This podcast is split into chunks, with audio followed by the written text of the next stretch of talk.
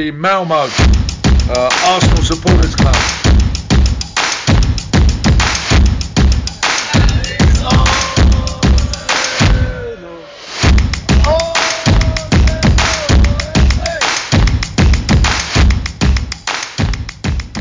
Då hälsar jag varmt välkomna till ett nytt avsnitt av Arsenal Malmös podcast med mig Rickard Henriksson.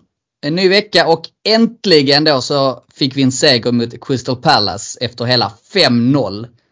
Eh, Det och mycket annat kommer vi prata idag och som dag, med mig som dagens gäst så har jag Filip Tolf från Arsenal Göteborgs podcast. Varmt välkommen tillbaka Filip! Tack så mycket Rickard! Vad konstigt det känns att sitta så här digitalt för senast eh, vi snackade och så då var vi ju faktiskt face to face. Vilket inte händer så ofta 2023 att man sitter face to face eh, på Cheers Det- pub ju. och jag, min- jag minns det som att det var så jävla trevligt. Men vi kommer ju Sjukt minst trevligt. lika trevligt idag. Ja, det var så jävla trevligt.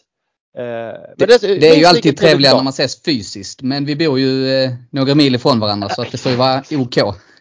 Ja, det var ju så när du skrev till mig så här behöver en podcast jättesnabbt. Jag var ju direkt inne på sj.se och bara okej, men då bokar jag tåg ner. Men så nej, jag skulle ändå inte hunnit. Äh, lite tajt, jag frågade dig bara för någon timme sedan så. Ja, exakt. Men toppen att du kunde ställa upp. Och ehm, på tal om det, vi pratade för några gånger sedan att du skulle ta dig till Malmö. Så det får du göra snart tycker jag. Jag vet, jag vet, jag, eh, jag vet, jag vet. Jag har lite dåligt samvete över det och det, det trust me alla Malmöbor. Vad säger man? Malmöiter eller säger man bara Malmöbor? Malmö. Jag skulle säga så här, vi som inte är ursprungligen från Malmö säger Malmöbor. Men de som är födda i Malmö säger nog Malmöiter. Just det, precis. Eh, att jag, det är på min to-do-list att ta mig ner till Malmö, verkligen. Eh, så att det, det, det kommer, det kommer. Sen kanske det är de i Malmö som bara tänker skönt att han aldrig kommer. Men för mig hade det varit kul att komma på en match, absolut. Ja men det tycker jag, det får, vi, det får vi se till att lösa. Jag ska bjuda in dig när jag hittar ett bra datum. 100 procent. Härligt. Och eh, du har ju varit med så pass många gånger nu så jag tänker vi behöver väl ingen närmare introduktion. Men vill du sälja in dig själv eller Arsenal Göteborgs podd lite kort så varsågod. Ja, sälja in mig själv, det är inte så mycket att sälja in. Men Arsenal Göteborgs podcast kan jag ju säga något kort om bara. Det är en Arsenal-podd för Arsenal-fans till Arsenal-fans för Arsenal-fans. Sa jag rätt nu? Skitsamma. Eh, där det är känslorna som styr och det är jag och min gode vän Tobias Tobbe Hannesson som en gång i veckan, ibland tisdag, ibland torsdag, eh, sitter och pratar Arsenal eh, helt enkelt. Och det här är inte mina ord, men många säger att det är ganska trevligt och underhållande. Så jag får väl tro på dem då. Och, ja. Eh, titta gärna förbi där, sväng gärna in. Vi, vi spelar in, Rickard, du och jag, det här på en torsdag och i tisdag så spelade vi in eh, vårt förra avsnitt i Arsenal Göteborgs podcast. Så efter ni har lyssnat på det här, gå tillbaka till det jag sa i tisdags och se hur mycket jag har vänt min kappa efter vinden och hur mycket jag ändrat mig och sånt där. Hjärtligt välkomna att göra det. Det tycker jag för det hinner ju ändå hända lite på två dagar med lite nya perspektiv. Så är det, så är det. Men det bästa av allt är ju att du faktiskt var på plats i helgen och såg matchen med Crystal Palace live. Det stämmer. Det stämmer. Ja, det var faktiskt det bästa. Alltså matchen är fem mål i all ära, men för mig personligen och rent egoistiskt så var ju det bästa att vara på plats. Så det, jag kunde inte sagt det bättre själv. Är lite avundsjuk, det, det finns ju inget bättre. Nej. Nej, det var länge. Jag har ju två raka 5-0 vinster nu. För senaste gången jag var på Emirates var ju säsongsavslutningen förra året. var det ju 5-0 mot Wolves. Nu var jag tillbaka.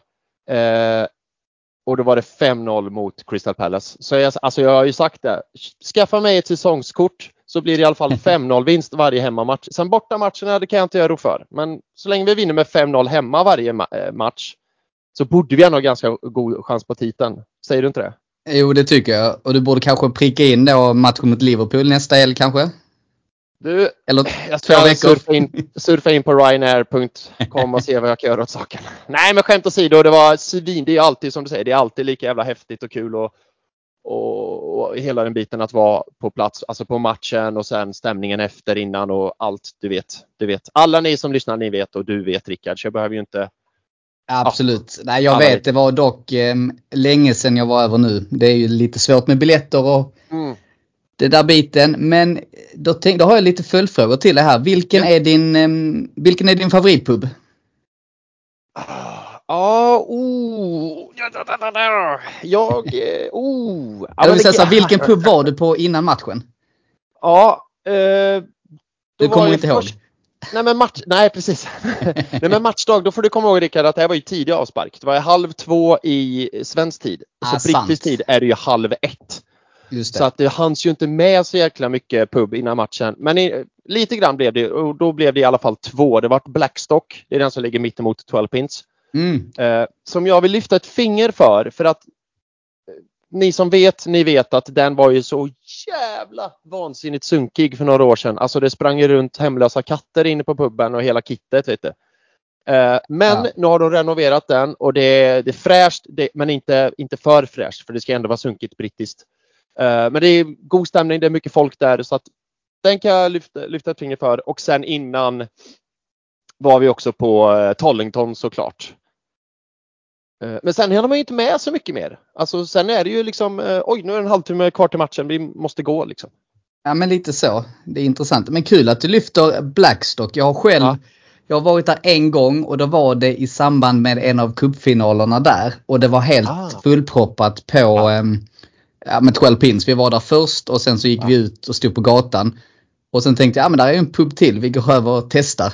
Och det var ju lika bra stämning där. Det var ju, cupfinaler är lite speciellt men då blev det Ja. ju växelsång mellan Mm. 12 pins och Blackstock tvärs över gatan. Så det var jäkla häftig upplevelse. Det påminner, på, påminner lite grann om eh, sista matchen förra säsongen då 5-0 mot Wolves. Mm. För då efter matchen så gick vi till 12 pins eh, och så var vi där.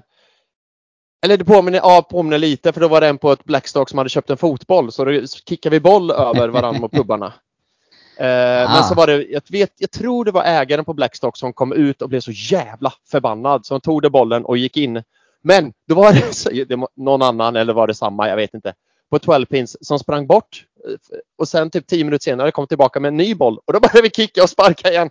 Och Blackstocks ägare kom ut ännu en gång och var så jävla sur. Men grejen på, efter de tog bollen då på den andra gången så dog stämningen lite på 12 pins för då stod, stod vi ute med våra öl och bara så här, jaha, men nu då? Men så kollar man in på fönstren på Blackstock och där, jag skojar inte, där var det liksom, eh, vad heter den här festivalen? Där det är eh, uns, uns, uns. Um, skitsamma. Ja, vi- vilken av dem? Ja precis. Ja exakt, det är bara sådana festivaler nu. Nej men det var så jävla, alltså folk dansade på borden där inne och det bara dunkade liksom musik. Och, så, och då stod vi där med våra öl på 12 pins och bara fuck, vi valde fel pub. För att man väljer ju inte Blackstock för att 12 pins den är ju liksom helig holy ground på så sätt. Men Lite Ja. så. Eh, Jag Ja. älskar 12 pins. Det är alltid, eh, du får alltid öl snabbt och det är stort och mycket historik där. ja, precis. Men återigen, jag lyfter ett finger för nya Blackstock för det, är- ja, det, det har bättrat på sig. Kanske väl värt ett besök nästa gång alltså. Mm. Det tycker jag faktiskt. Det tycker jag faktiskt. För 12 pins det är som du säger, det är historiskt, det är helig mark och allt sånt. Men där har man ju varit. Man, det har ju sett likadant ut. Eh, för det roliga på den här Palace-matchen som vi snart ska komma och prata om, alla kära lyssnare, det är bara att jag är gäst nu och jag älskar att prata. Eh, på den här Palace-matchen så hade jag med min kusin som också är Arsenal-fan. Eh, han Ah. har bott i London, men det var typ 15-20 år sedan. Han är några år äldre än vad jag är. Och han har inte varit tillbaka sedan dess. Så han var så ah, vi måste till 12 pins, jag måste kolla. Eh, för alltid när han kollade match så var det på 12 pins som man inte fick matchbiljett. Liksom. Ah. Och så kom han in på 12 pins och han bara dra åt helvete. Det ser exakt likadant ut som för 15 år sedan. Och det gör ju det och man vill ju att det ska göra det. Men det jag vill, försöker säga är att 12 pins har man ju gjort. Man vet vad man får, man vet vad det är. Så det kan ju vara kul att variera lite och testa något, något Absolut. någorlunda nytt. Och jag kan tänka mig att det är samma landlord. Ja just det, där har du. Han är med glasögon, lite eh, lockigt, grått hår, lite längre kan jag tänka mig. Ja, för han måste ju sett ett jävla tillfälle att köpa liksom sunkiga puben på andra sidan gatan. Och göra den till hans också. Sant. Ja. Ungefär Men som du, vet- du vet vilken person jag menar va? Han brukar alltid Ja, stå i baren precis. och i dörren och släppa in och ja. Absolut. Ungefär som när Wenger köpte Campbell. Och så här, "Oj, ja, den där sunkiga mittbacken. Nej, den var inte så sunkig. Men den där mittbacken från den sunkiga klubben. Jag tar han och gör den till den, till den bästa. Han var ganska bra, bra i Spurs också. Men eh, dålig Han blev bättre. Han blev bättre. Eh, Absolut. 100 procent. Såklart. Såklart.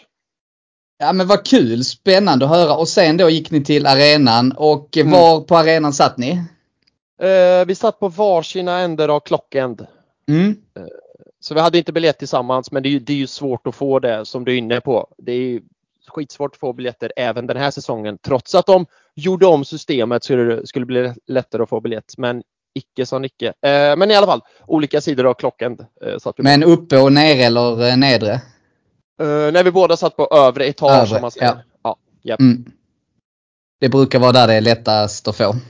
ja men exakt. Eller precis. lättare ska man väl säga. Ja, eh, exakt, precis, precis. Och sen om jag ska lyfta ett finger för Arsenal Göteborg då, som man kan få matchbiljetter via om man är Mm. medlem. Så det är där. Arsenal Göteborg har, eh, eller har sina biljetter så att säga. Eh, Så det kan man göra. Bli medlem i Arsenal Göteborg så får ni en lättare lina att få tag i matchbiljetter. Inte garanterat, men lättare än att söka via Arsenal. Så fick jag det sagt också. Ja men det är grymt, det är bra reklam. Mm. Det är en het fråga just med biljetterna för närvarande så att absolut. Men hur var, hur var stämningen på plats? Det har Mm. snackats mycket om det att det har blivit klart sämre denna säsongen. Hur var din Ja. upplevelse? jag tyckte ändå att det var okej stämning. Eh, med förutsättningarna då att det var tidig kickoff och det vet man ju, de är ofta sämre stämning. Eh, men alltså, där jag satt och, och var så tyckte jag ändå att det var okej. liksom. eh, det, måste, det måste jag ändå säga. Och sen så som du säger, jag har ju hört samma snack att det har blivit sämre den här säsongen än förra och förrförra. Och det tror jag är mycket med det här nya, nu ska vi inte gå in allt för mycket på detalj för vi har inte all tid i världen tyvärr. Men det här nya biljettsystemet som de ändrade till inför den här säsongen. Eh, det är ganska tydligt att peka på det att det var bra för två år sedan och förra året. Sen ändrade de system och sen har det blivit sämre. Alltså, det är ju Ganska tydligt. Trots, exakt. Det, det, det håller jag med om men sen å andra sidan sen är ju ändå 50 000 säsongskortsinnehavare. Typ 45 så det borde ju Ja. egentligen mycket det stora ansvaret kan jag tycka på stämningen ligger på säsongskortsinnehavarna. Det är sant, det är sant. Och sen tror jag det, det är så här också. Det är en del att de ändrat systemet, absolut. Men sen tror jag det ligger mycket i förväntningarna. För förra året och förrförra året, då kommer liksom underifrån allt var nytt och spännande och så här, oh jävlar, vi är bra, vi utmanar, oh holy smoke liksom. Och då, då liksom har man varit så jävla peppad av det. Nu, och då var det så här, åh klarar vi topp fyra så är det ju fan, we are back. Alltså varenda liten vinst var ju bara wow! Men nu, den här säsongen, förväntningarna är ju helt andra. Vi går ju in, jag vet jag inte vad du har tippat inför säsongen eller så, men jag tippade ju ganska kaxigt att Arsenal skulle vinna. Eh, Jag också. för tyck- Ja exakt, precis. Ja. Och, då, och bara med det tippet så blir förväntningarna annorlunda. Det spelar ingen roll när vi vinner nu mot, mot Crystal Palace eh, vinner med 5-0 så sitter man ändå, ändå så här att ja, mm, ja det var 5-0 men eh, bla bla bla bla bla bla bla. Eh, Så jag tror det är det också att fansen förväntar sig så mycket mer den här säsongen än tidigare då man slår underifrån. Nu blir ju nu kan man bara gå åt ett håll och det är neråt. Lite grann om du förstår vad jag- menar. Ja, absolut och det, jag tror du är inne på någonting där också. Då blir det så att då byggs det upp en förväntan från de här Exakt. lite, vad ska man säga, grumpy old season ticket holders som inte får det de har förväntat att de betalar för. Och då blir det lite mer att de skruvar på sig och de klagar lite och de bara ah fuck this shit I'm not singing. Lite så. Ja men, det, ja, men precis, precis. Exakt. Och så de som kommer kanske någon gång bort emellan så här. "Ja, jag var ju här förra säsongen och det var så jävla kul. Och så sitter man där och så här. Men vad fan, det är ju inte lika kul nu. Varför är det inte det? Och så liksom rycks man med i det också. Jag vet inte, det är säkert. Jag sa förut att det går lätt att peka på en orsak. Det är klart det inte är utan det är många orsaker alltid som spelar in. Ja. Eh, Men jag tror det är liksom ändrade system, det är ändrade förväntningar och, och på ett sätt är det ju bra för Arsenal Football Club. Vi ska ju ha de förväntningarna på oss. Vi ska inte vara en one hit wonder som man tycker är kul att utmana ett år och sen bara, "Åh, det var så jävla kul, wow. Utan det här är ju vår nivå egentligen, visst är det så? Det här är ju Absolut. den nivån vi ska vara på. Och, och då ska man heller, heller inte nöja sig utan det, det finns bara ett sätt att bli bättre och det är, det är att liksom utvecklas, utvecklas, utvecklas och vara så himla självkritisk. Och det kanske blir på bekostnad att man är lite grumpy bort emellan att det är bra men kan bli bättre.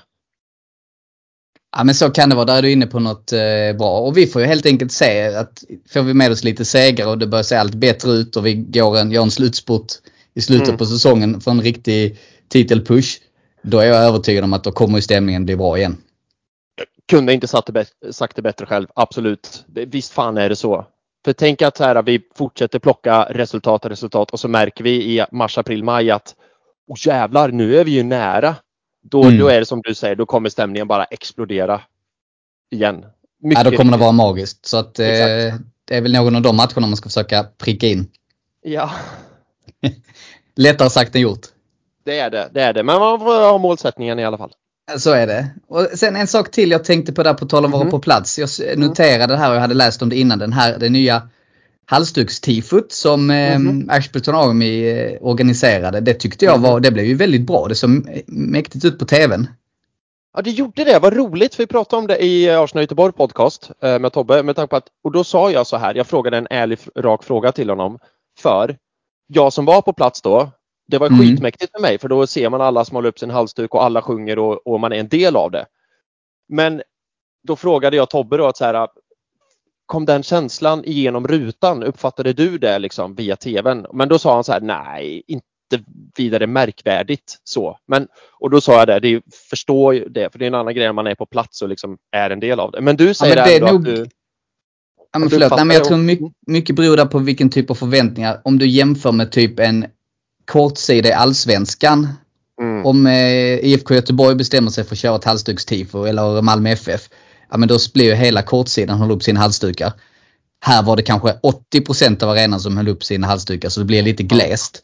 Men det var ju ändå mäktigt. Ändå stora delar av arenan höll upp det så jag tyckte ändå det, var, det såg bra ut. Ja men det är bra. Det är bra. Det är bra. Ja, för där på plats så tyckte jag det var riktigt, riktigt coolt. Men som sagt, det är ju en sak att vara där och en annan att, men det är bra att det ändå gick, gick fram till tv-rutan av en, en av två i alla fall. ja exakt. Och, men sen var det vissa delar av arenan, vad ska man säga, typ eh, övre etage på typ ena långsidan. Där var det lite mer glest men alltså ja. på nedre etage så såg det bra ut. Absolut. Du, på det övre etaget, där sitter de inte med halsdukar. Där sitter de och eh, vet det, skakar med sina juveler istället. Ja, sant. Det fina folket sitter, vet du. Ja, de hängde, satt ju kvar i baren så det var ju tomt på platserna där. Ja, exakt, exakt, exakt. Ja, men vad häftigt. Eh. Då ska vi väl gå in på matchen då tänker jag. Det var ju eh, fantastiskt. Eh, eller jag, vill börja med att säga så här. Egentligen inte bättre spel tycker jag, än mot West Ham och Liverpool. Mm. Men resultaten är något helt annat för vi får tidiga mål och vi har mål på våra chanser. Håller du med mig eller du tycker eh, du har någon annan åsikt? Nej, jag instämmer. Jag instämmer. Uh, jag, och de här två tidiga målen som vi gör, det gör mm. ju att matchbilden blir en helt annan. För som sagt, hade vi fått två tidiga mål mot West Ham, för att ta det exemplet som du tog, då hade ju matchbilden givetvis blivit en helt annan också. Nu kunde ja. ju West Ham bara leva på att parkera buss, parkera buss, parkera buss. Uh, så att, och det måste vi ta med i ekvationen att de här tidiga målen förändrar ju matchbilden totalt och liksom drar mattan under fötterna på Palace.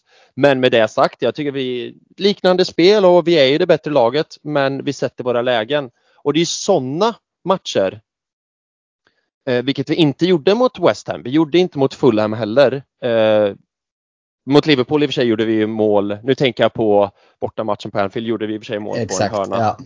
Eh, men det är ju sådana lägen det är så jädra bra med fasta situationer. Nu som två hörnor, för det är ju gratislägen alltså. Absolut. Och man gör det, det brukar ju vara att vi släpper in på fasta i första halvlek ja. istället. Ja. Ja, och det är ju nu också mot Palace på tal om att släppa in. Det var ju då är det laget i Premier League som, eh, Premier League som har släppt in minst mål fram till Arsenal-matchen på om det är fasta eller hörnor, jag, jag vet inte riktigt. Men, ah, okej. Okay. Ja. Eh, så det ska man ta in också. Men eh, ja, nej, fasta situationer kan vara, det, det ska man inte underskatta alltså. Det kan vara nyckeln för att låsa upp många lås såklart. Ja för då tvingas ju de, de kan ju inte parkera bussen längre utan de måste ju framåt för att försöka skapa någonting, förändra matchbilden. Och då blir det ju luckor. Och så pass ja. skickliga är vi så att vi kan straffa dem och utnyttja de luckorna som uppstår. Ja, och när du säger luckor, nu kan, vet jag inte hur, hur du har planerat kronolog, kronologin, men på tal om luckor, våra tre spelmål. Ja, vi kan hoppa direkt till dem faktiskt. Absolut, ja, ja, men bara för att ta den när du sen ja. att, säger att det blir luckor. De tre målen, det är inte som att vi har så här tiki-taka och liksom spelar oss fram en massa possession. De tre målen kommer på grund av luckor och snabba omställningar. Och det blir Ja. ju för att matchbilden är den den är. Men speciellt, nu ska vi säga det 4 eller 5-0 där när Raja slår ut den eller gör inkastet. Det är ju, där, vilka luckor där är, det är ju helt sjukt. Ja, det är till och med 3-0 va? Är det 3 Ja, men jag tänkte 3-0 på... målet. Är det kanske 3-0 målet? Nej men... 3-0, det är trots allt 3-0 målet. Ja men det var... eh, Ja, är det där som Raja kastade ut? Okej, ja, då, då minns jag fel. Eh, Jag kollar på det faktiskt nu för jag har eh, highlights för att fräscha upp mitt, eh, mitt gamla minne. Och det är ju, ja, som du säger, Raya går ut och plockar den, plockpotatis. Och sätter igång den snabbt till Trossard och Jesus. Eller han slår den till Jesus. Men de två, nu får jag inte en bra stillbild på det men jag har sett det på eh, stillbild på det online. Och då, man Mm. ser att så fort Raya plockar den, Raya är fortfarande i luften, då ser man på stillbilden att de två bara sticker på varsin håll. Och de måste ju kunna sticka för att han ska kunna sätta igång den snabbt. Alltså det ena ger ju det andra. Hade inte Absolut. de stuckit så hade, man, hade de två stått på hälarna så hade han ju stått där med bollen och tänkt kasta och så bara nej, för, nej, nej okej då rullar vi igång sakta då. Alltså för att spela snabbt måste man ju också röra sig snabbt. If that Ja, makes men- sense. Nej absolut, nej men där har du en poäng och det, eh, det är ju viktigt och de, där var ju Trossard och Jesus sen tidigare vet vi, han är ju grym på, på att röra sig rätt. Mm. Men medan Trossard mer är, i mina ögon en spelare som rör sig rätt med bollen. Mm, ja. ja. Hans superkraft är ju med bollen verkligen Trossard. Mm. Medan Jesus, Jesus superkraft skulle jag ändå säga är både med och utan boll. Eh, och han var en spelare som var jävligt fräck. Hur gammal är man inte om man säger fräck? Eh, nej men jävla cool att se live alltså. Jag försöker tänka tillbaka om jag sett han live förut. Vem spelade striker mot Wolves? Eh, det Oh, du, det kommer, det Var kan det det varit en Ketia kanske? Ja, jag- jag minns inte i alla fall. Men jag, där och då när jag såg det live så, och då ser man alla löpningar han tar mer bättre än på TV obviously. Och liksom vilken jävla bollkontroll karln har. Alltså det, han har ju sugproppar på fötterna. Ja det kan jag tänka mig och det ser man ju på ett annat sätt live. Och du ser ju Exakt, framförallt rörelsemönstret utanför kameravinkeln. Exakt. Ja. Precis, man ser det på ett helt annat sätt. Och det är klart jag visste innan att han var bra ut, både med och utan boll. Men det, det blir en annan grej när man är där live och ser helheten liksom, såklart. Ja, men jag håller med och jag brukar säga det att har man sett Mesut Özil live så menar jag att då har du en annan bild av den spelaren. I hans rörelsemönster och Ja. hans bollkontroll och tajta ytor. Jag, jag tycker att han har fått alldeles för mycket skit men jag har sett honom live många gånger från nära håll. Jag tycker ju han är en av de bästa spelarna jag har sett live.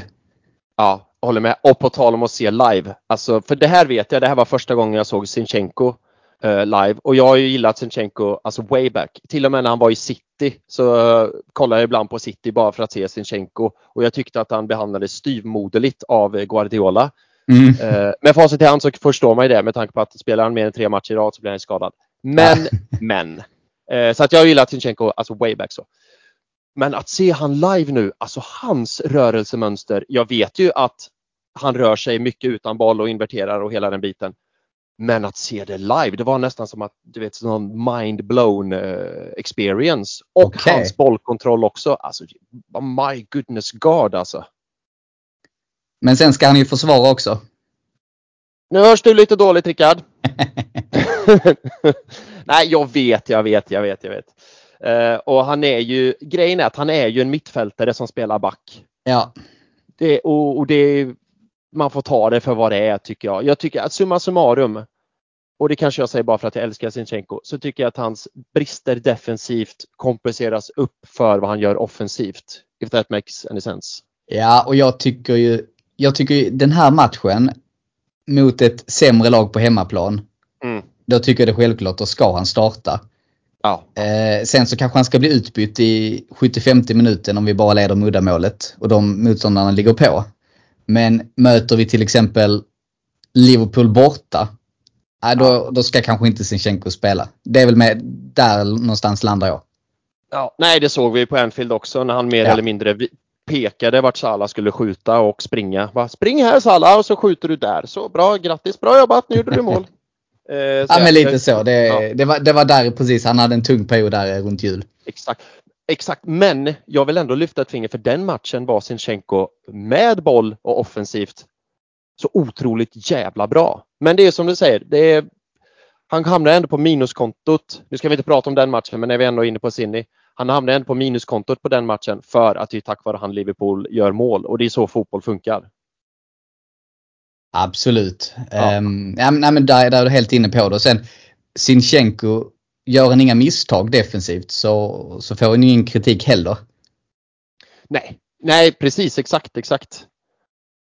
Men i de här mm. fallen när det var då som du säger mot, eh, mot West Ham och Liverpool, när det var uppenbart att han han kom lite till korta i defensiven och då blir han ja. ju en rubrikernas man.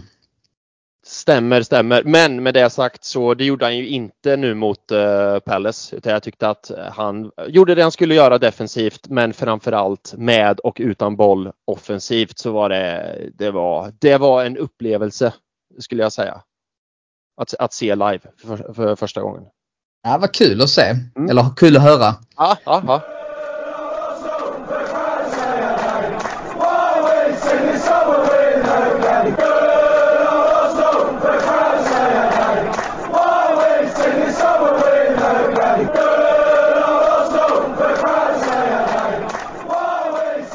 Någon annan spelare som du eh, tyckte utmärkte sig? Jag från TVn tyckte att Saliba var väldigt bra. Hur var han live? Äh, samma sak där. Eh, det var ju första gången jag såg Saliba live också ju, nu när du mm. säger det. För han var ju skadad mot, eh, mot Wolves. Eh, äh, men skitbra och jag tycker, och det här har jag sagt många gånger. Saliba är ju Rolls Royce och kanske ligans bästa mittback. Det är han eller van Dijk. Eh, men ja. inte långt därefter så kommer ju Gabriel. Och jag tycker Gabriel, inte bara för att han gör två mål, mot, eller han gör ett mål och ett blir självmål. Vi kan uh, säga två för att den hade ja, gått visst. in ändå. Ja. Exakt, exakt. Jag tycker det, är fånigt att det räknas som självmål, ärligt talat. Uh, men men. Uh, så tycker jag också han gör en sån satans bra match och han är så satans jävla bra och underskattad liksom. Om Saliba är en Royce Royce då är Gabriel en monster truck som bara kör. Ja, kul, och, kul att du säger det. Nej, men just, eh, jag kan tänka mig det för att med en mittback, du måste nästan, man ser det, en mittbacks roll på ett helt annat sätt live. Mm, ja. Jag brukar alltid säga, jag har alltid hyllat Mertesacker också när man har sett honom live för att mm, han, ja. han behövde ju inte springa. Han fick ju alltid Nej. kritik, han var långsam men han stod ju alltid rätt. Och jag får lite Exakt. samma bild av Saliba. Jag tycker också att han står nästan rätt alltid. Ja, Ja, ja, ja verk, verkligen. Och de här små dribblingarna och vrickningarna han gör med bollen. Mm. Eh, alltså hade han, hade, tänk om Saliba hade kommit fram på mitten av 90-talet.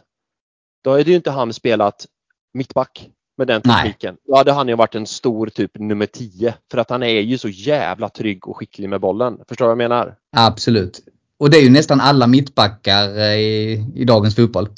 Ja, precis dagens fotboll. Alltså dagens fotboll är ju, ja, jämför dagens fotboll med mitten av 90-talet. Det är i mångt och mycket två olika sporter. Faktiskt så jädra mycket som det har utvecklats. En sån som eh, Tobias Linderoth hade inte haft det lätt. Eller Patrik Andersson. Ja, nej fy fan. uh, nej, verkligen inte. Verkligen inte. Men å andra sidan, kommer man fram i sin tid så så eh, gör man ju ändå något rätt. Men det är ju som du säger, de hade ju inte haft mycket, varit samma spelare idag som de var då om man säger så. Ja, det hade varit tufft för dem. Mm. Ja, men spännande. Um, nu har vi hoppat lite där men ja. vi, och sen, jag tänkte Martinellis två mål. Någonting att säga om mm. dem också? Um, jag tycker Martinelli när han kom in så gjorde han vad Martinelli har gjort den senaste tiden. Han kom in, körde ner huvudet och dribblade fram till kortsidan och tittade upp och bara åh, åh fan nu är jag här, vad ska jag göra nu? Förstår ja. du vad jag menar när jag säger så? Absolut, känner ja. igen det. Exakt, men det var sen och det gjorde han några gånger men sen så blev han ju så jädra frispelad av, eh, nej Enketia först är det. Enketia uh, först och sen var det väl eh, Jorginho. Jorginho, just det precis. Ja. Och där, gör, där blir han ju en världsklasspelare. Ja, och, och tänk på det, där är han ju inte ute vid långsidan. Utan Nej, han är kommer han ju in, sant. Exakt, han har kommit in i banan. Han har kommit in i banan och Martinelli, säg förra säsongen, då var han ju bästa målskytt tillsammans med Ödegård, va? Mm. Eh, så att målskytt, målskytt är ju, säg att det är hans superkraft då. Eh, och då ska man inte ha den spelaren och slicka långsidan. Den spelaren ska ju komma nära mål så den ska kunna komma till avslut och det gör han ju nu. Trots att den är vänsterytter men så kommer han in och det har ju mycket med att göra att Crystal Palace backlinje är ju ett jävla skämt så då kan han ju göra det. Men Ja. Eh, jag menar, kom i nära mål och där avslutet både 4-5, det är ju nästan så att man tror att han har tröja nummer 14 på ryggen och det han heter Thierry Henry liksom. Det är Det var lite det jag skulle eh, komma Ja. in på. Påminner lite om varandra. Har du, tänkt, har du tänkt på det att Henri började i sin karriär som vänsterytter? Eh, ja, precis, Och precis. sen flyttade Eh, Wenger upp honom som striker. Ja. Kanske en framtida utvecklingspotential för Martinelli. ja, och faktum är att Martinellis första matcher i Arsenal, när jag var där säsongen 1920, då var han ju striker. Sant det var, men då var han ju lite för opolerad i, build-up och link-up play Sant. och pressspelet. Ja, nej, Men det börjar han lära sig nu tycker jag. Ja, och jag tror definitivt att Martinelli har en framtid som striker om det så skulle vara. Men det beror ju också på lite spelmodell. Skulle han vara en striker i ett Arteta-Arsenal när nummer nio ska vara link-up och liksom hitta ytor och, och sånt och, göra, och skapa ytor åt andra? Mm, ja, det tror jag inte. Utan då skulle han mer vara en striker i ett rent och skärt omställningslag liksom, där han bara kan springa rakt eh, fram. Så att det beror också på vilket spelsystem som han är i. Men med det Sant. sagt så trots att han är vänsterytter i Arsenal så måste han komma i lägen närmare mål. Så, så, så enkelt är det bara. Jag tror ju hans roll är för att han, eftersom vi har en Sinchenko som är inverted, då blir han ju den enda som, han, någon måste ju ta vänsterkanten också för att dra isär backlinjen. Ja, Och det, Ja, det det, gör att han tvingas och det gör nog att hans roll och hur vi väljer att spela med Sinchenko gör ju att Mm. han får inte den möjligheten. nej. Men vet du vad skillnaden är från förra året? Eller det är Nej. många skillnader, men en skillnad. Förra året, vem hade vi som, eh, vad fan blir det, vänsteråtta? Granit Xhaka. Som gick på, han gick ju inte på överlapp, han gick ju på underlapp och drog med sig försvarare, vilket gjorde att Martinelli, inte varje gång, men ofta kunde skära in och på så sätt komma närmare mål.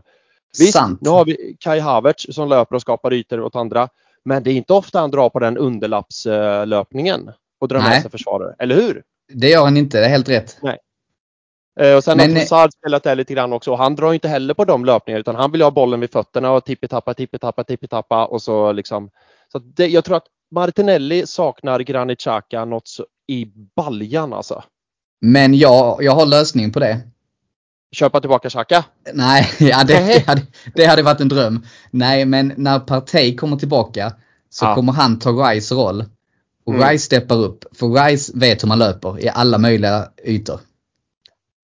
Alltså jag, ja, jag, inget, jag har inget att säga emot det. Alltså ett mittfält och det här pratade vi om senast på Cheers minns jag. Ett mittfält med Partey, Rice, Ödegård. Alltså det är bara att ge oss Premier League-trofén på en gång. Är bäst Så i ligan. Ja, ja, ja. ja. Bäst i ja, så världen. är det. Ja, vad, vad konkurrerar med det? Det är ju Citys med Rodri, De Bruyne och eh, Bernardo Silva. Det är också Mm. riktigt, riktigt bra. Men eh, ja. Eh, och sen tror jag att lösningen på ett, det hela kan också heta Smith Rowe. Som också blev inbytt nu ju. Inte bara med Mm. 20 sekunder kvar utan ändå 20 minuter och gjorde det helt okej för att det spelat så lite tycker jag. Jag tyckte också han gjorde det bra. Det var lite i, vad ska man säga, i tajmingen. Han Mm. var inte helt, helt där, men det är inte så konstigt heller. Nej, inte det minsta konstigt. Och det var ett lägen, jag vet inte om, eh, om du uppfattar det, men som jag tänkte på från läktaren när han fick bollen. Om man såg suget på honom att nu ska jag dundra iväg, men jag törs inte riktigt så jag passar här i sidled istället. Ja, jag vet klart. vilket eh, läge du tänker på. Där eh, hade varit i hans, eh, vad ska man säga, form och momentum för två år sedan så hade han skjutit. Exakt, exakt. Och, bara, och andra gången han tagit bollen och bara sprungit. Eh, Men det är ju inte så konstigt som du säger. Han är machotränad och har spelat 20 sekunder på hela säsongen. Överdrift, jag vet, men eh, så det var jävligt kul att se han komma in och göra en bra insats. Och jag tror att han kan vara svaret på, på mycket i vårt lag. Inte för att vårt lag är svindåligt på något sätt, men det finns förbättringspotential och han kan vara en spelare som är lite faktor X som man kan slänga in nu på vårkanten för att, för att Absolut. något Och jag. Liksom. Ja, men jag tycker eh, egentligen så finns det ju alternativ på bänken och det finns Mm. alternativ i truppen. Sen är nog problemet att Artetas ovilja att rotera. Så när han väl gör bytena så blir det, är det ringrostiga spelare som kommer in som Nelson, Smith Rowe. Om de Mm. får spela 10 minuter varannan match. Det är rätt så svårt att få upp eh, matchtempo då. 100 procent. Absolut. Jag har inget att säga emot det. Jag håller med till, full, till fullo. Så det är där som är problemet. Så jag, vi, jag tror vi sa det i en podd här för några avsnitt sedan att det, det spelar egentligen ingen roll vem Arteta värvar om, om han fortsätter vara så ovillig att rotera. Exakt. Ja, om man inte spelar de spelarna han har, då behöver man inte köpa in en ny spelare som man ändå inte kommer spela. Alltså what's the point? Exakt. Ja. Eh, Men bara innan vi går vidare från Martinelli så gör han ju även 5-0 eh, också ju med en sån Ja. Henri-avslutning. Och det är där Jorginhos passning, eh, den är makalös alltså. Och inte för att skryta på något sätt. Jag vet att jag tjatar om att jag var på plats. Jag vet, jag vet, jag vet. Men den passningen på plats, för jag satt i så jävla bra vinkel och ser den Ja. och jag bara sekunden han slog den så var det Oh my lord, det här kommer bli mål. Och mycket riktigt så blir det mål. Och det är en fin passning. Eh, jag har sett den i efterhand massa gånger. Det är en fin passning på skärm också så att säga. Men jag minns där och då där jag satt och såg passningen och bara holy smoke vilken jävla macka. Ja, det är så snyggt och då blir det ju Ja. 4-0 målet är ju snyggt och från bra läge men han är ju ännu renare på 5-0. Ja, och på tal om Palace backlinje. Vi, alltså backlinjen vid 5-0. De har ju gett upp och bara tänker på vad de ska köpa för tröstmat när de kommer hem. Liksom. Ja. Ja, men så, är, så är det ju. Bara tänker, ja, vad ska jag mässa frugan att hon ska köpa med för eh, nu ska jag dränka sorgerna rejält här. Eh, men jag tar inte ifrån något från Jorginhos passning för den tycker jag är, den är magnifik. Absolut, nej men det var ju stabilt. Sen så gör han väl inte mycket väsen av sig i övrigt men eh, absolut, den passningen ska han ha cred för. Ja, absolut. Och jag tror Jorginho nu i slutet på säsongen, eller slutet är det inte, men andra halvan på säsongen. Eh, han kommer nog ha eh, en stor del i det hela har jag en känsla av. Just för att han har rutin från slutet på säsongen när det kan hetta till. Nu säger jag inte att det blir titelstrid, men jag säger att det blir titelstrid. Ehm, och just Champions League också. Rutinen från Champions League. Han har ju vunnit Champions League. Han vet vad det handlar om. Eh, För vi är ju faktiskt fortfarande ett extremt ungt lag och det är första året tillbaka i Champions League på sju år. Eh, Men där har vi en i Jorginho som det är lugnt. Jag har sett det förut, jag har gjort det förut. Grabbar, grabbar, lita på mig, lyssna på mig. Ehm, Så han börjar bli till åren. Han är långsammare än eh, mig när jag knutit skorna på fel fot. Men eh, man ska inte underskatta, jag tror hans rutin och hela den biten kommer vara Ja, jag tror det kommer spela en stor roll i slutet, eller inte slutet, men sluthalvan på säsongen rättare Ja men precis och han är ju en sån spelare som man tänker lite så jag, jag kallar det typ Gattuso, lite mer en kuppspelare som passar Mm. slutspel i Champions League. Stäng, stänga ytorna i tajta matcher. Hans uppgift är egentligen bara att stänga ytor och städa. Ja, men exakt precis och liksom vara pappan i laget och komma in med en och, och sänka stämningen när det är stressigt och så här. Ja, men vi sänker stämningen och sen är han ju den här passen visar, visar ju det att han är ju, han är ju fortfarande så jädra bra med bollen. Mm. Och Absolut. så länge han har bollen vid sina fötter då sker det inget misstag sa han och kom att tänka på Spurs hemma när han tappar bollen. Men Japp. ingen regel som inte har något undantag. Ehm, så att jag, jag tror att Jorginho kommer ha en viktig, viktig roll att spela i nu under vårsäsongen.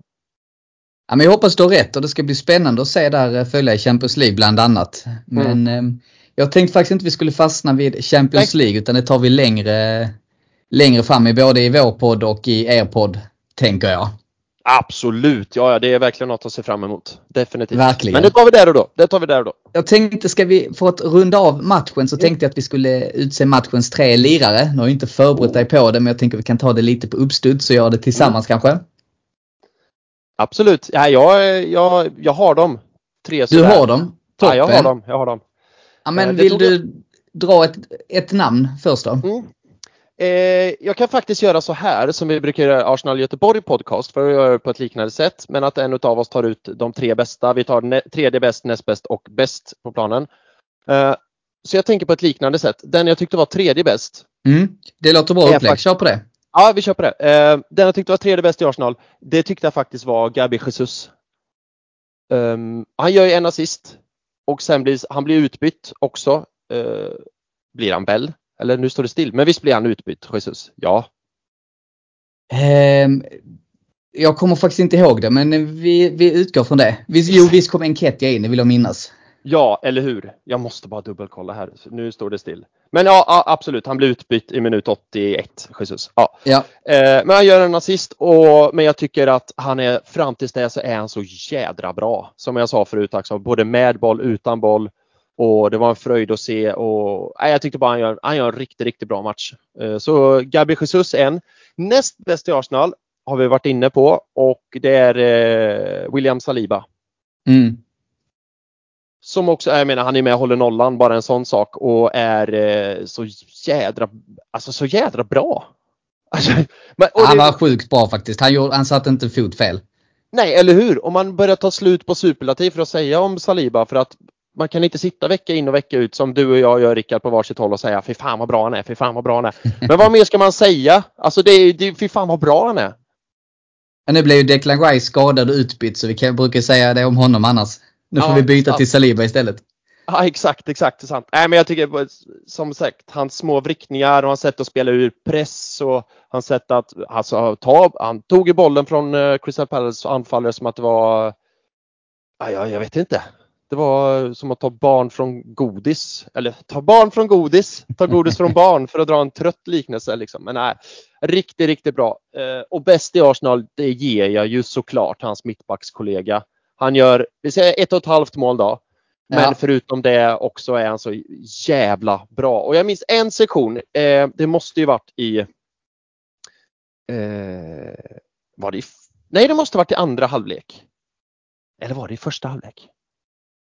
Han pressar mot, eh, mot Klockend, eh, där jag satt. Och så pressar han mot där. Jag vet inte om du minns den här situationen? Så var det Nej, det är faktiskt inte. Ja, men han pressar och pressar och pressar och han är typ an, en, an, ensam i Arsenal i offensiv liksom. Och han bara pressar och pressar. Likt den här du vet, Robertson! Robertson! Robertson! Han bara sprang, han bara sprang, han bara sprang. Och det var så jävla gött på läktaren då för det var börjat så här. Oh, good Gabby! Good Gabby! Och come on Gabby! Du vet hela, hela Ja. flocken bara skrek på honom och det märktes att han blev så jävla peppad på det. Så han bara pressa, pressa, pressa, pressa ännu mer. Och sen så tacklade han ner Pelle-spelaren så jag tror han skadade sig och sen du vet så gjorde han så här mot eh, klockan och bara Come on! Och det var så jävla, så jävla gött. Eh, men han är, han är bäst i Arsenal eh, mot Crystal Palace. Gabriel Machalagalales, eller uh, ursäkta uttalet. Magalash är det väl? Har jag för mig att du har lärt mig till och med. Om jag inte helt. Magalagalash, Magalagalash, Magalagalash. Magalash. Mag- ja, ehm, om jag har sagt så så är det säkert inte så. Ja, okej. jag skojar. Ja, okej. Nej, Magales med lite Magales. skånsk uttal. Just det. Ja, han var bäst i Arsenal. Eh, eh, mot Crystal Palace. Enligt Ja, min men det är väl svårt att säga emot och jag tycker Mm. eh, du har träffat in dem eh, väldigt bra. Jag, en liten shoutout även till Ödegård, tycker jag. Mm, mm. Ja, ja, han var bra såklart. Han var bra.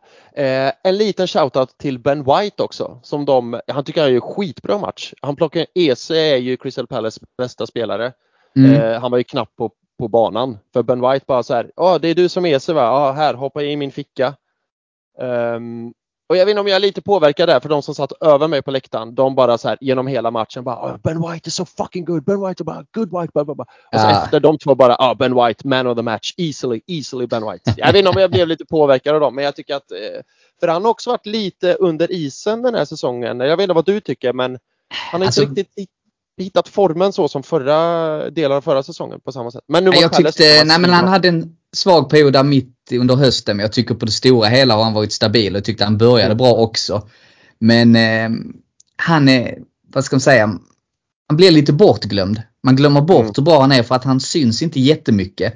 För han kommer mycket mindre på eh, överlappningarna nu jämfört Ja, med förra sant. säsongen. Så han. Men han städar upp bättre i defensiven. Ja. Eh, ja, det är sant i och för sig. Men eh, det går att göra shouts för många. Men eh, där är mina, mina tre i alla fall. Ja men det, jag tycker, jag håller med. Jag hade nog inte gjort det annorlunda faktiskt. Utan jag tycker det var um, good calls allihopa.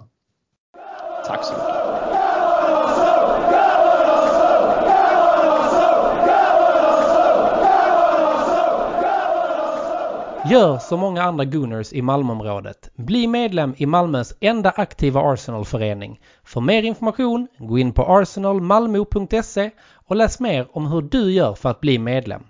Där hittar du också vår webbshop som vi har i samarbete med Netshirt. I medlemskapet ingår också rabatter i samband med våra matchträffar på Drumbar samt rabatt hos Jack Sport i Svedala. Följ oss gärna i sociala medier. På Facebook heter vi Arsenal Malmö, på Instagram heter vi arsenal.malmo och på Twitter heter vi Arsenal Malmö. Välkomna till Arsenal Malmö!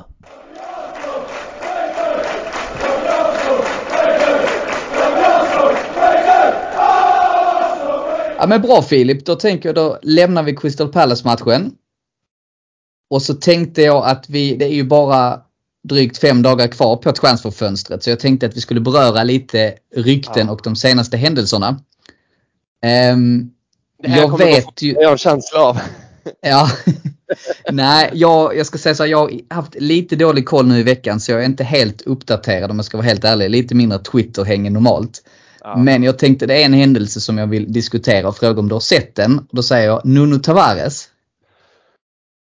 Det är en sån där händelse man såg och sen hoppades så här, nej varför tittar jag på det här för? Varför? Jag kommer aldrig, jag kommer inte sudda bort den här bilden från mina näthinnor. Varför klickade jag på det här? Stupid Philip, jag har sett vad du pratar om. Ja, Eh, jag, jag, jag såg först inte vem det var. Tänkte va, va, vem är det och vad håller han på med? Bara, nej men Ja. det är ju han. Ja. Nej den är ju Eh. sjuk. Och för er som har missat det då ska jag säga att Tavares sitter ju då och hånglar med sina hundar. Ja. Typ. ja. Säg så här, slä, släpp inte Nuno Tavares nära hunden Win när han kommer tillbaka. Så mycket kan vi säga. Nej. Och jag läste ett rykte då på Twitter idag att eh, det är, nu ska vi se, det är Nottingham Forest han är utlånad till, visst är det det? Ja, det stämmer. Exakt. Ja, precis. Mm. Att de hade bett om att vi skulle betala för att ta tillbaka honom och häva hans lån. Ja, vänta, det, vänta, vänta ta, ta det igen. Att de tyckte att vi skulle häva lånet och att Ja. vi skulle betala för att de skulle bli av med honom. Det är den dummaste idén jag någonsin hört. Ja, eller hur? Jag förstår att ni vill bli av med honom. De har väl också hundar där som de vill ha ja, exakt. exakt. ja. Stay away from our dogs. ja, vet du vilken Nuno Tavares favoritlåt är? Eh, nej. Det är alltid en Who let the dog out eller eh, vad heter den Elvis? Ja, ah, nu tappar jag det skämtet. Ehm, Men eh, Ja, jag vet vilken ja. du menar. vi, vi ja. stannar vid Who let the dog out. Who Ja. let the dogs out. Det är hans favoritlåt. Usch. Mm. Ja, nej men det här, jag vet inte nu. Det är bara så dumt för jag menar, det är ju ingen som kommer vilja köpa honom nu. Nej, och, och ska jag vara helt ärlig så tror jag inte någon hade velat köpa honom även om man inte hånglat med en hund. Alltså så sjuk mening va. Eh, så att ja, jag hör 100% vad du säger. Men jag, Arsenal och Arteta har gjort många bra värvningar genom åren och smarta värvningar. Eh, Nuno Tamares är inte en av dem. Men you can't always win. Eh, Nej, jag håller med. Sen så Nej. var han ju inte jättedyr. Han kostade väl bara typ 9 miljoner pund och det borde vi ju ändå kunna få tillbaka för det finns ju ändå, han är ju inte så jävla dålig. Men han har väl knappt på- spelat. Nej. vet du vad som rimmar på pund? Hund. Ja, stämmer! Det stämmer. Eh, ja, nej, det har du rätt i. Det har rätt i. Det är inte mycket pengar så sett. Men eh, ja. Ehm, men han startade väl Palace, eller vad säger jag, inte Palace, eh, Nottinghams förra match va? Gjorde han inte det? Mycket helt- möjligt. Jo, mot Brentford. Jag tror till, till och med han startade då. Eh, om du säger någonting klokt så kan jag kolla upp det här så länge. Ja, och då kan jag ju säga så här att det finns ju ingen plats för honom i Arsenal. Så att ta tillbaka honom denna säsongen, det finns ju ingen mening med det. Och jag kan tycka att det är väl bättre att låta honom vara kvar i Nottingham året ut och låta honom få den speltid han får. För den är uppenbarligen mer än man hade fått hos oss. Mm, mm. Eh, återigen, jag kunde inte hålla med mer för den spelaren som han är passar ju inte ens in. Om han hade varit bra så pass hade han ju ändå inte passat in i systemet. Men nu är Nej, den det är en felscoutning från början. Ja, precis. Men då får man ju samtidigt tänka att det var på den tiden vi hade Tierney som vänsterback som liksom gjorde de bombräderna på vänstern.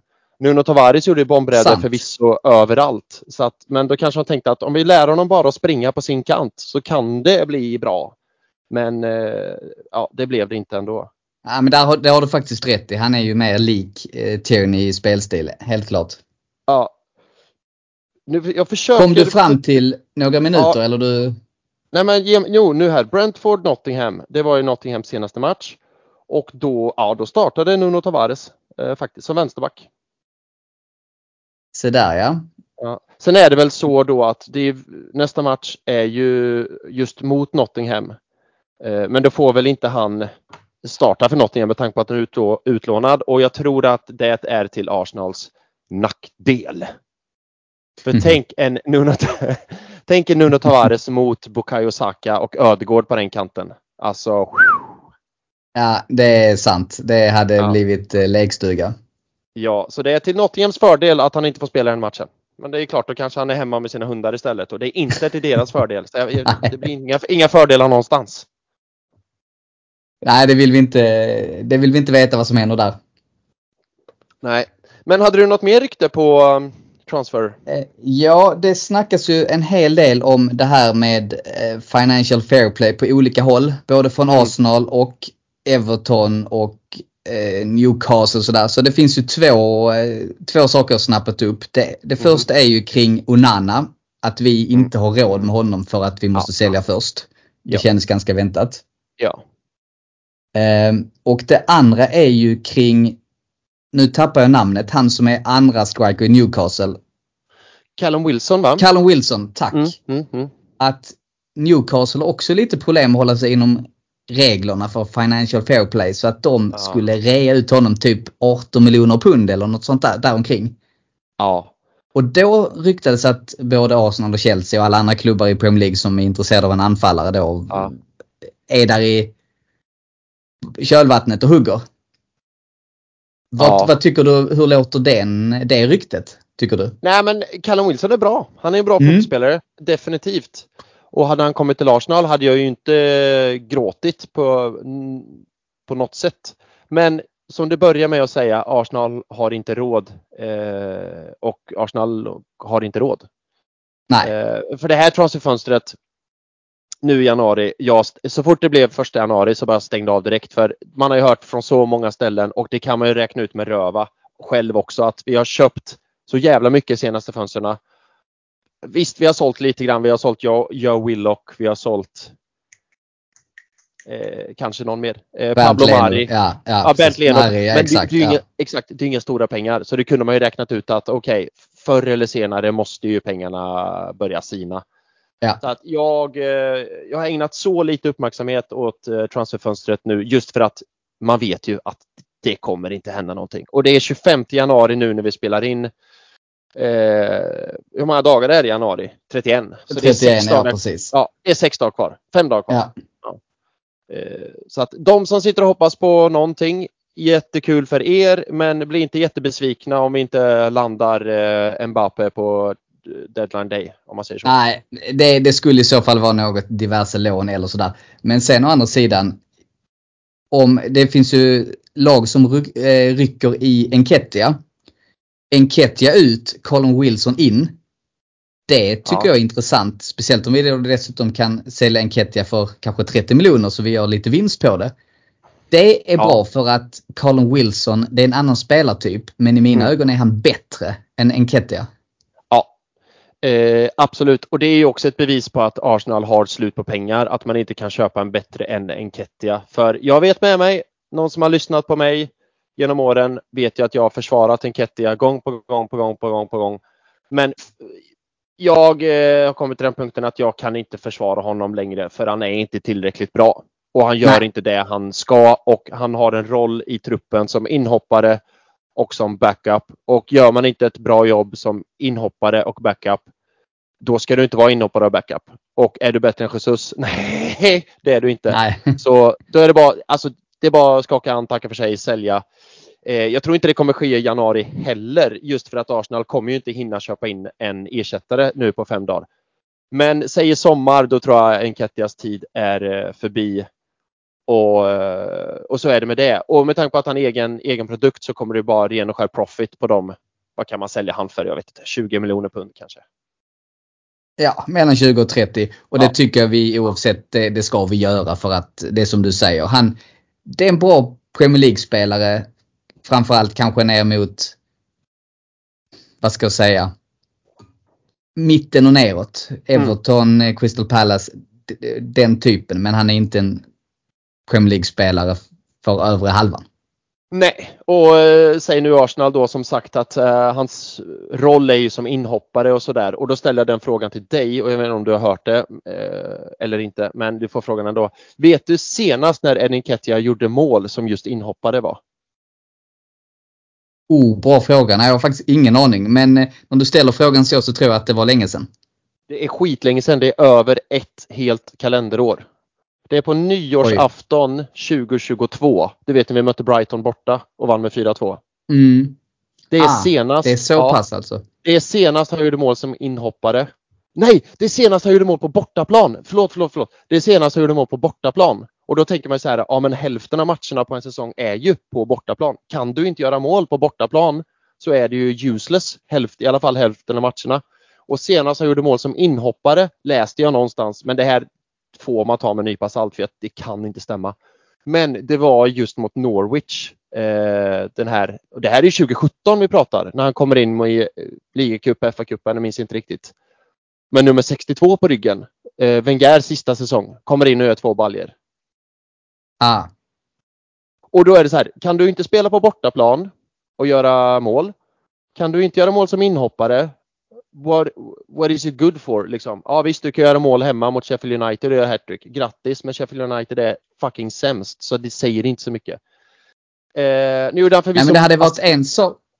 Ja, förlåt, jag skulle bara säga, nu gjorde han förvisso mål som, eller vad säger assist som inhoppare både mot Brighton nyligen och nu mot Palace. Så I, I, I better cut him some slack. Men eh, för att summera, Mm. nej. Sälja till sommar och ta de pengarna och investera i någonting bättre. Ja, men jag håller med. Men det hade ju varit en sak om han bidrog i spelet i övrigt mer som Jesus gör. Men han gör ju inte det heller. Han är ju en klassisk straffområdesspelare. Ja. Och då måste han ju leverera riktigt mycket mål. Och det gör han inte. Och då, då har vi ingen nytta av honom. Nej, det blev varken hackat eller malet eller någonting liksom. Precis. Ja. Nej men jag, jag är inne på det, jag håller med dig. Och för att summera transferfönstret där. Jag, jag tror inte heller det blir någonting. Det är möjligtvis något lån då. På kanske någon ytter. That's it. Ja. Men jag har inget namn och jag tror som du faktiskt inte det blir någonting. Nej. Eh, nej, och jag tror mycket det här i Dubai nu när de åkte dit var mycket för att skapa en, du vet så här, ja men nu är det vi. Det kommer inte komma in någon mer, nu är det vi, nu är det liksom We are the band of brothers. Nu är det vi, är det några som ska göra det, då är det vi i det här rummet. Att, att det var mycket sånt i Dubai också. Jag vet inte var jag fått det ifrån, det är bara en känsla jag fått. Att skapa den här uh, vi mot världen känslan. Att det kommer inte komma in någon savior, det kommer inte komma in någon frälsare nu under våren och boosta utan det är, nu är det vi, vi mot världen, the band of brothers liksom. Ja men verkligen. Eh, nej och så är det ju. Det, det är säkert som du säger att man eh, får tid tillsammans att bygga upp och sen eh, kraftsamla inför kommande. Mm. För det blir väldigt mycket matcher här nu i, eh, i slutet. Ja. Eh, men ska vi lägga transferfönstret åt sidan? Ja men det gör vi. Ehm, och sen så har jag en liten händelse vi ska beröra lite kort här för att det blev ju offentligt idag att ehm, vi har en ny VD som Mm. träder in till sommaren. Eller det är ju så att Vinnaj ska ju avgå och nu blir det en intern rekrytering. Och det blir ju då vår Head of Football Operations Richard Garlick som ersätter. Mm. Och då är min fråga vad, eh, vad har du på honom? Hur bra koll har du? Nej, jag har väl lite halvkoll så, sådär. Men vad jag tycker är viktigt, vad jag tycker är helt rätt är att man tar någon internt. Eh, som liksom vet Ja. vad Arsenal har gjort under de här åren. Så det inte kommer in någon utifrån och vill bara ändra allt och riva upp allt och börja på nytt. Utan man tar en för visst, han har haft en annan titel genom åren Richard Garlick, men det, han har ju varit inblandad i det här minst lika mycket som Vinay. Så, och det, det tycker jag är viktigt, att man tar en inifrån som Mm. som sagt har hållit koll på processen, jobbat med den, kanske i lite annan roll Eh, så, men ändå jobbat väldigt nära med Vinay hela, hela tiden. Så- Och bara gå in och, och, göra så här jobb. Så det, det är det enda jag har att säga. Att jag tycker det är bra rekrytering av Arsenal. Eh, sen får vi se hur det artar sig. Men eh, jag, jag tror att vi som fans, jag tror att vi kommer eh, inte märka någon större skillnad förutom att det kommer vara en annan liksom, text på hemsidan vem som är i vilken roll. Eh, och, det, och det tror jag är Ja, bra. nej men precis. Och, och man märker inte så mycket. Jag har förstått som att han har jobbat rätt så mycket i periferin då tillsammans som vad ska man säga länken mellan Vinay och Edu. Ja, Har de lite större, ser över alla kontrakten och är med i spelarrekrytering och hela den biten. Men han är mer kanske Edu sköter scoutingen och vem vi ska värva och sen är det hans jobb att se till att slutföra affärerna. Ja, ja, och det och mycket annat också. Det är så jävla mycket i en fotbollsklubb så jag tror inte ens vi vet eh, en tredjedel eller en fjärdedel liksom. Vi som Nej, fans. sant. Ehm, Men det är ju spännande. Men jag, min bild av honom är egentligen från eh, dokumentärserien All or Nothing där man ändå Mm. fick se honom när de satt på rummet där kring Aubameyang och ja, men fick ändå verka som han hade lite skinn på näsan i alla fall.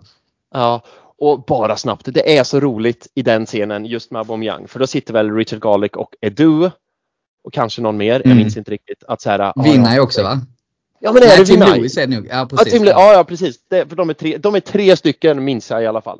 Som sitter så här, ah, ja okej, men vi måste få Arteta att in, integrera Aubameyang igen. Vi måste få med han i gänget igen. Och sen Ja. så här, en minut senare så sitter, jag tror det är Edu eller om det är just Richard Garlick som sitter. Och det här, jag skojar inte, det här är en, två minuter senare. Så bara, nej Arteta sa att Aubameyang måste gå så han måste gå. Och då fattar man ju Ja. att Arteta har ganska big balls och man lyssnar på honom. Om han säger att Aubameyang måste gå, då spelar det ingen roll om vi är tre mot en. Eh, då måste Aubameyang gå. Ja precis. Okej vad gör vi nu grabbar? Vi har Barcelona-spåret. Vi får vänta och se om de ringer eller inte. Ja, och den scenen är ju så rolig när Edu sitter på hans kontor och så är det någon som kommer in till honom och bara så här. Ah, eh, har du sett det där med Auba? Och Edu bara. Vadå med Auba? Ah, han är i Barcelona nu. Han är i Barcelona nu! Han har ingen koll alls liksom. Och sen får kollar han upp det. Det tycker jag också är så jävla roligt. Ja det är fantastiskt. Ja. Bra vilja serie. ha en sån eh, säsong två. Det finns ju inte men alltså en mer, ännu mer. Ja, eller hur? Så de gick väl Ja. vidare till, eh, de, var det ett nytt lag de körde nu? Var det typ Everton eller någonting? Ja, jag, jag minns inte. Det finns Nej. så... Nej, Newcastle var det. Newcastle var det precis. Mm, Ja. Newcastle. Ja, spännande men eh. Sidospår. Jag tänkte vi, vi, vi håller där också. Vi får se var det landar helt enkelt. Vi, Varken du eller jag vet ju egentligen vad som försiggår bakom stängda dörrar. Eh, så är det. Det är ju den bittra sanningen. Sen kan du och jag sitta här på varsitt håll och tycka och tänka och låtsas veta. Men det är ju som du säger, vi, vi, vi vet ju ingenting. Nej. Nej. Och vi vet ju aldrig någonting egentligen men det är det som Nej. är så kul att spekulera. Ja, ja, det är, nej, men det är sant. Det är sant. Det är sant. Så är det.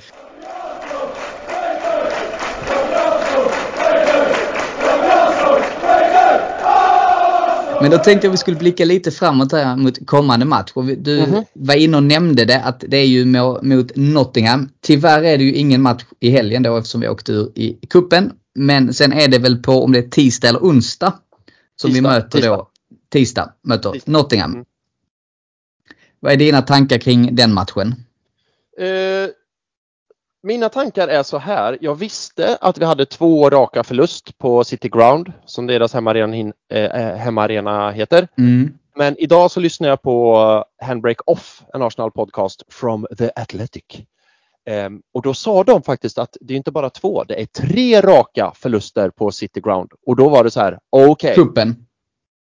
Ja, var det den jag missade kanske? Det kanske Mm, var. där var en, vi åkte, åkte mot dem i kuppen när de var i Championship. Ja, ja, ja, just det. Mm, bra där, mycket bra, mycket bra. Ehm, och det är väl den som är med i All or Nothing, den matchen, är det inte det? Det kan det vara faktiskt. Lite osäker. Ja, men skitsamma. Och då var det så här, att, ja, men tre raka förlust, bara det är ju totalt oacceptabelt. Blir det fyra, det får bara inte hända. Och, jag, och det här vet ju, alltså ramla inte av stolen nu, men om jag vet att det är tre raka förlust, då vet Arteta och grabbarna det också. Eh, Garanterat. Ja, garanterat. Så jag tror att de, Arteta kommer, eh, han kommer hitta på något jättebra och roligt att skriva på sin tavla eller något sånt bara för att nu jävlar är det vi får vendetta mot Nottingham. Och tvåla dit dem så det står härliga till. Eh, Jag Sen hoppas du har ju- rätt. Ja, sen har de ju en ny coach också, han Esperinto Santo. Esperi, han, eh, han har Ja, varit gamla Wolves va? Ja, och gamla Spurs också en kort sektion. Det var då Spurs Just var det, som ja. sämst, Just men, men som bäst i våra ögon. Eh, och jag vet inte, jag har inte jättemycket, men de har ju lite, spelat lite annan fotboll nu vad de gjorde när de hade han. Var det Chris Wilder som var där? Mm, han var ju lite Ja. mer klassisk brittisk. Exakt. Han, eh, han vill ju ändå spela en bra fotboll men jag undrar, han har ju inte riktigt spelarmaterialet i Nottingham Nej. för att göra det. Nej, men jag tror ändå att han eh, Esperinto vill, som du säger, spela fotboll och försöka i alla fall. Mm. Eh, och inte bara liksom parkera dubbeldäckan. Och, och vill Esperinto Santo spela fotboll med materialet i Nottingham mot Arsenal FC som är hämndlystna och taggade till tänderna. Eh, vill bra. inte jinxa någonting, men det är bra. För att citera Rickard Henriksson. Ja, det är bra. Jag håller med. Jag tycker alltid att eh, när vi möter ett eh, lite sämre lag på bortaplan som vill försöka spela fotboll så är det oftast till vår fördel. Ja. Eh, mycket riktigt, mycket riktigt. Och inte för att vara den som är den, men liten detalj så hoppas jag på att Arsenal spelar i de gröna bortatröjorna. Jag tycker de är så jävla snygga. De gröna Ja, tröjorna. Ja, Inte, inte de vita och absolut inte de eh, eh, här vägverket eh, nej, varselvästen. Powerpoint deluxe. Exakt. Eh, det är bara en liten detalj att jag tror vi kommer vinna och jag hoppas vi gör det i de gröna tröjorna. Ja men bra, jag har sagt jag håller med. Är det, hur tänker du kring startelvan? Är det något, ska vi starta samma som sist nu eller vill du se någon förändring?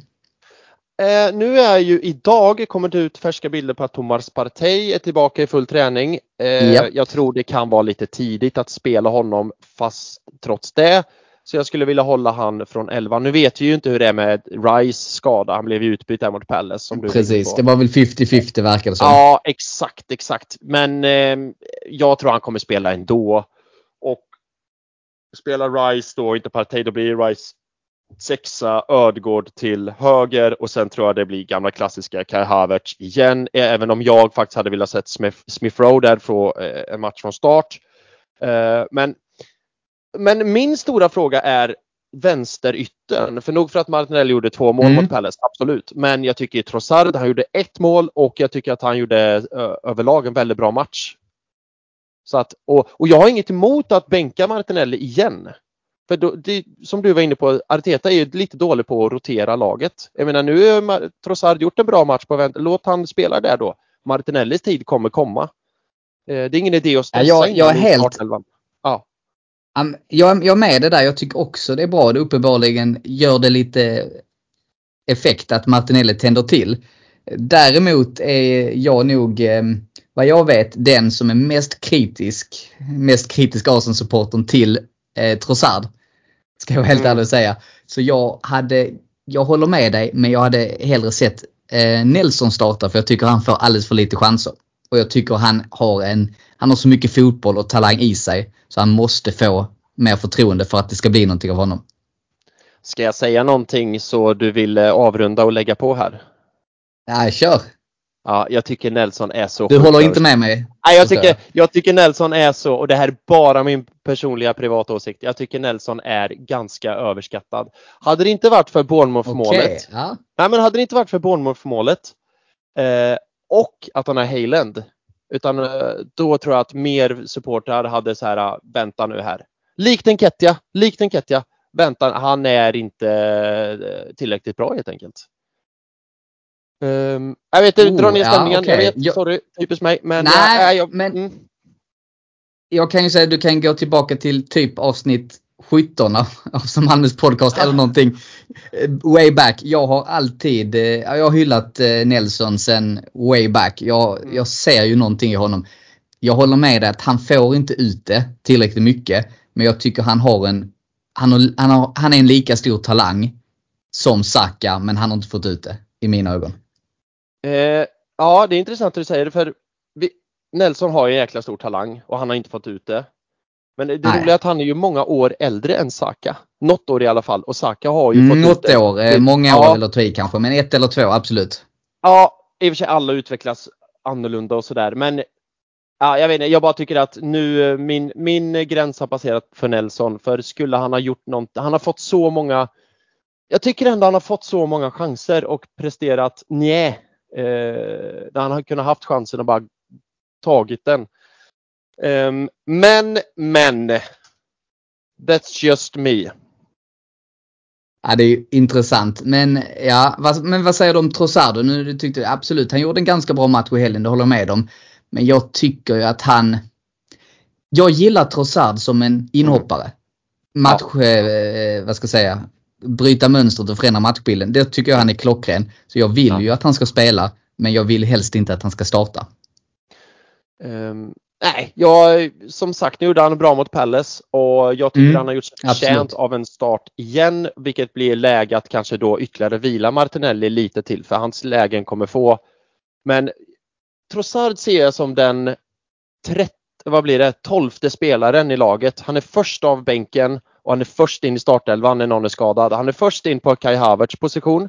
Han är först in på Martinellis position. Och hade det inte varit för Enketia så hade han ju också kunnat spela eh, alltså falsk nia, Jesus position ju. Så jag ser trots allt som den tol tolfte spelaren i laget. Han är den första av bänken. Och då ska man ju också premiera det ibland också så att han inte alltid är på bänken. Men eh, alltså vem är bäst Martinelli? Ja men det håller jag med om. Och, ja. och fram, ja, men det, det, det håller jag med om. Och framförallt i en sån här match, Nottingham borta, där det kan bli hans fötter kan faktiskt komma väl till pass. Så att jag, jag kan, mm. du kan få den att han, eh, han får gärna starta. Det spelar inte mig någon roll vem av dem som startar. Jag, jag, jag kan sträcka mig så långt. Tack. För det roliga är att efter Nottingham, nästa match efter det, det är ju Liverpool. Exakt, och då måste Martinelli starta. Då ska Martinelli starta och då vill man gärna att han ska vara så fräsch och hungrig som möjligt.